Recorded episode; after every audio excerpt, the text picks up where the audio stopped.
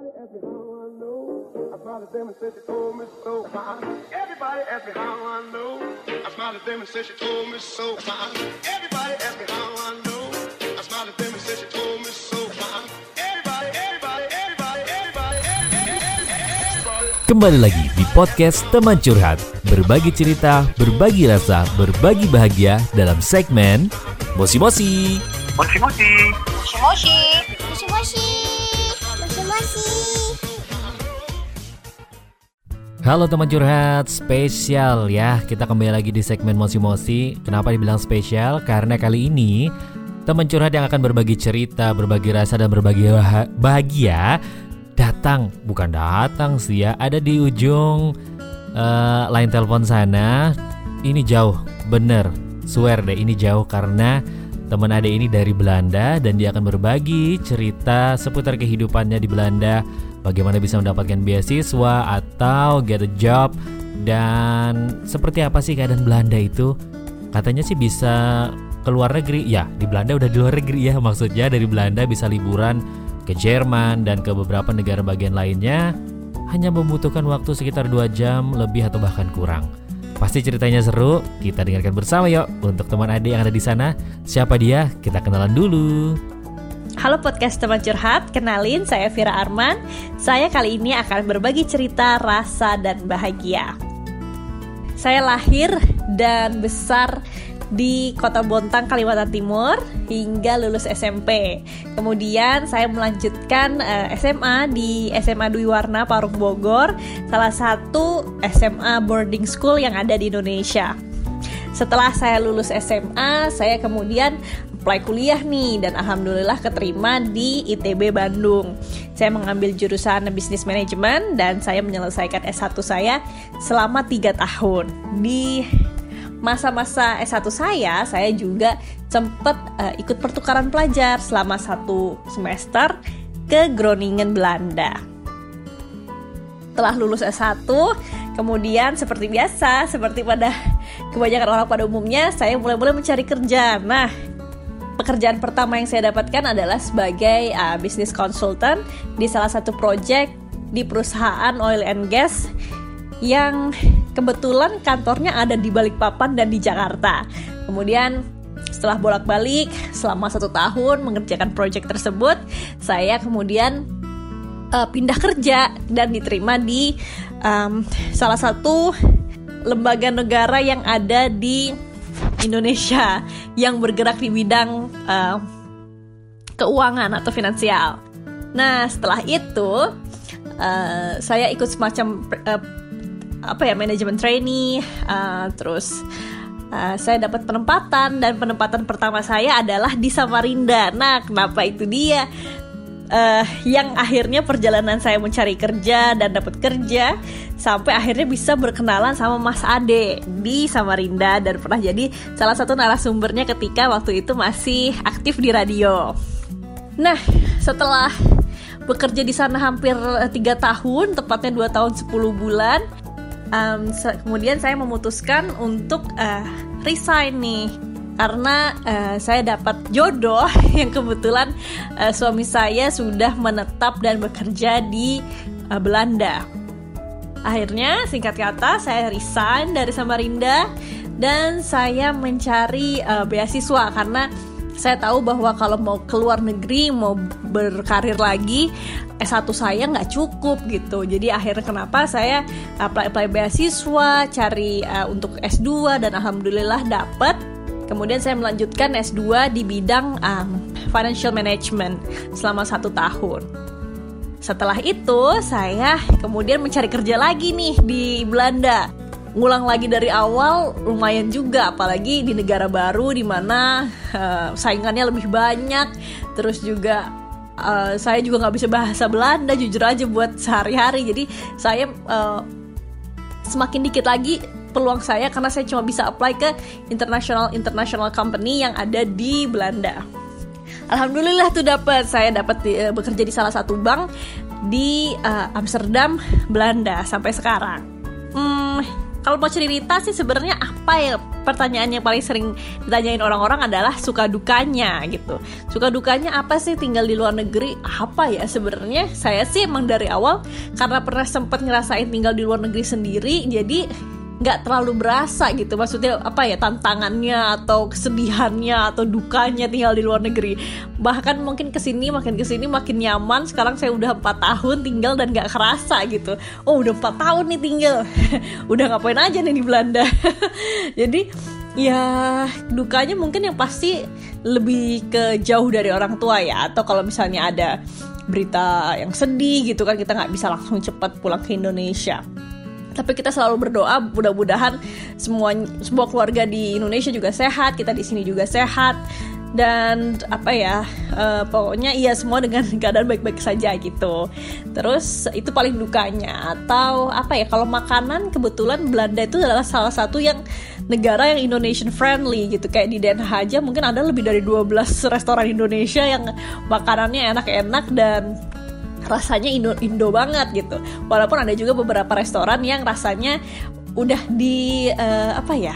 Udah di adjust sama lidahnya orang Belanda. Nah, dari segi makanan aman, dari segi uh, cuaca kebetulan aku juga suka cuaca dingin atau winter tuh aku suka banget. Terus cuaca-cuaca gloomy gitu, itu aku lebih suka dibandingin cuaca yang terik panas. Jadi menurut aku dari segi cuaca aku cukup gampang beradaptasi. Terus lebih banyak sukanya karena kalau misalnya nggak ada covid nih, kita tiap bulan mungkin bisa liburan ke luar negeri kayak karena tinggal dua jam ujuk-ujuk udah di Belgia atau dua jam perjalanan naik mobil bisa di Jerman gitu. Jadi uh, buat aku yang punya jiwa traveling yang cukup tinggi sama suami, mm -hmm. ini salah satu apa ya? Salah satu uh, poin plus ya. poin plus untuk tinggal di luar negeri atau khususnya tinggal di Belanda. Karena ke mana-mana deket. Okay. terus juga um, apa-apa gampang gitu. Seru ya pastinya uh, kurang lebih dua jam atau ya tergantung jaraknya ya. Pasti seru bisa liburan.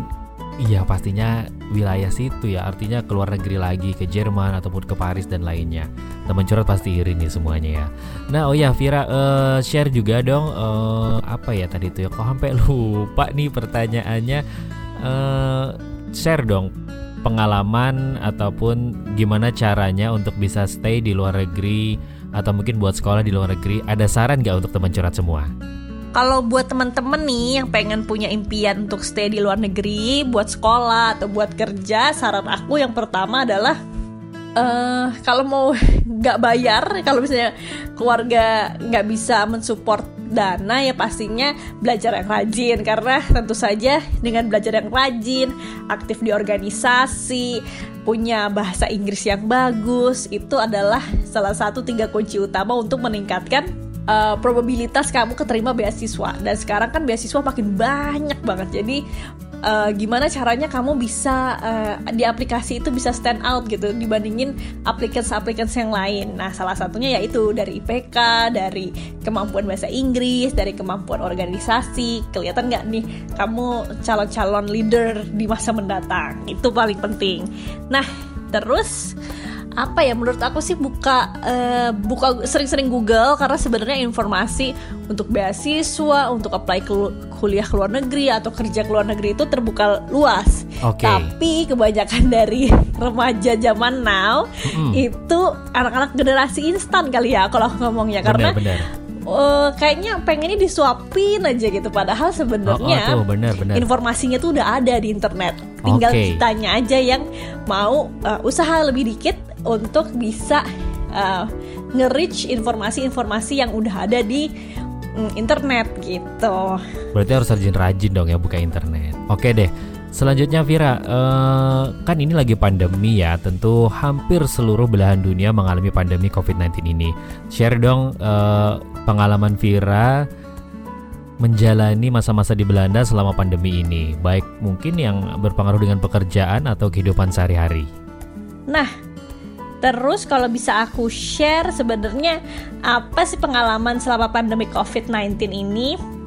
Kebetulan sekarang di bulan Juli pertengahan ini um, grafiknya udah mulai turun. Katanya sih yang masuk ke rumah sakit udah nggak terlalu banyak lagi, udah turun, udah mungkin cuma beberapa puluh aja. Nah, jadi orang-orang di sini udah back to normal. Um, di kantor juga walaupun di kantor juga walaupun uh, udah mulai uh, dibolehin balik ke kantor, tapi masih dibatasin. Contohnya, kalau aku kan udah working from home dari Maret ya, jadi Maret, April, Mei, Juni, udah mau lima bulan nggak kerasa nih tinggal di rumah aja buat ngantor. Uh, dan sekarang beberapa uh, orang udah bisa nih balik ke kantor, jadi kayak sorry empat orang dari 20 udah boleh um, udah boleh balik ke kantor. Nah, tapi aku memutuskan untuk tidak balik ke kantor karena menurut aku kerja di kantor sama di rumah sebenarnya sama aja efektifnya gitu. Jadi aku lebih hemat dari segi apa uh, perjalanan transportasi ke sana juga kan jadi bisa lebih fokus dan bisa ngerjain yang banyak lainnya gitu jadi uh, dan manajer aku juga bilang katanya kalau semaksimal mungkin Fir kalau kamu masih bisa kerja di kan uh, di rumah ya udah di rumah dulu aja toh nggak ada urgensinya untuk balik ke kantor uh, secara cepat gitu. Tapi hmm, di kantor udah dimulai nih. Jadi misalnya uh, apa wastafel wastafel udah makin banyak. Terus juga ada kalau mau masuk lift ada tanda tandanya cuma boleh satu lift cuma boleh dua orang dan sebagainya. Jadi uh, dari segi kantor sih mereka udah mempersiapkan dengan uh, syarat-syarat yang harus di harus dipenuhi. Seperti apa ya uh, sesuai dengan peraturan-peraturan uh, COVID-19 nah, gitu. selanjutnya Fir, kalau kembali lagi nih ya untuk proyeksi ke depannya, ke depannya Vira sendiri impiannya seperti apa? Apakah ada achievement lainnya atau ada goal-goal lainnya bersama suami selama di, di Belanda ini sampai nanti ke depannya apa mungkin pindah negara atau kembali ke Indonesia?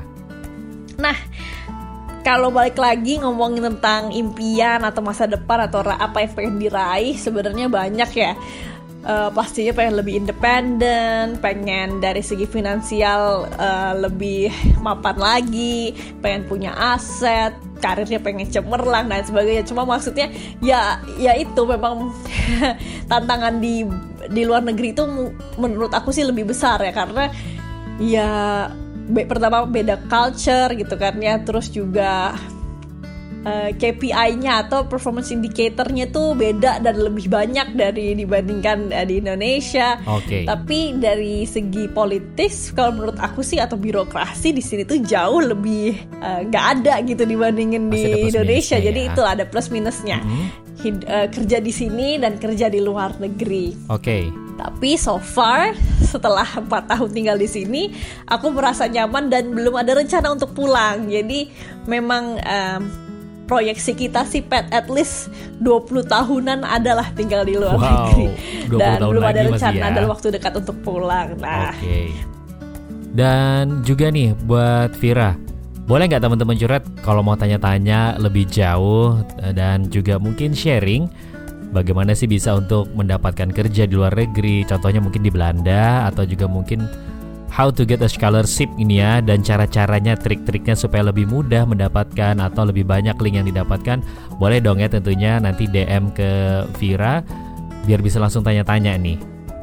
Buat teman-teman yang pengen uh, pengen tahu atau pengen cerita-cerita atau pengen nanya-nanya tentang kehidupan di luar negeri bisa banget mm-hmm. bisa lewat komennya mungkin di teman curhat atau menghubungi Instagram aku langsung atau email juga bisa okay. ke virakaniarman@gmail.com mm-hmm. mungkin segitu aja cerita-cerita okay. dari aku Siap. Semoga bisa memberikan inspirasi buat teman-teman yang pengen kuliah di luar negeri atau pengen kerja di luar negeri Bener. dan segini dulu dari uh, cerita-cerita dari aku. Sampai ketemu di kesempatan lainnya. Bye. Oke. Okay.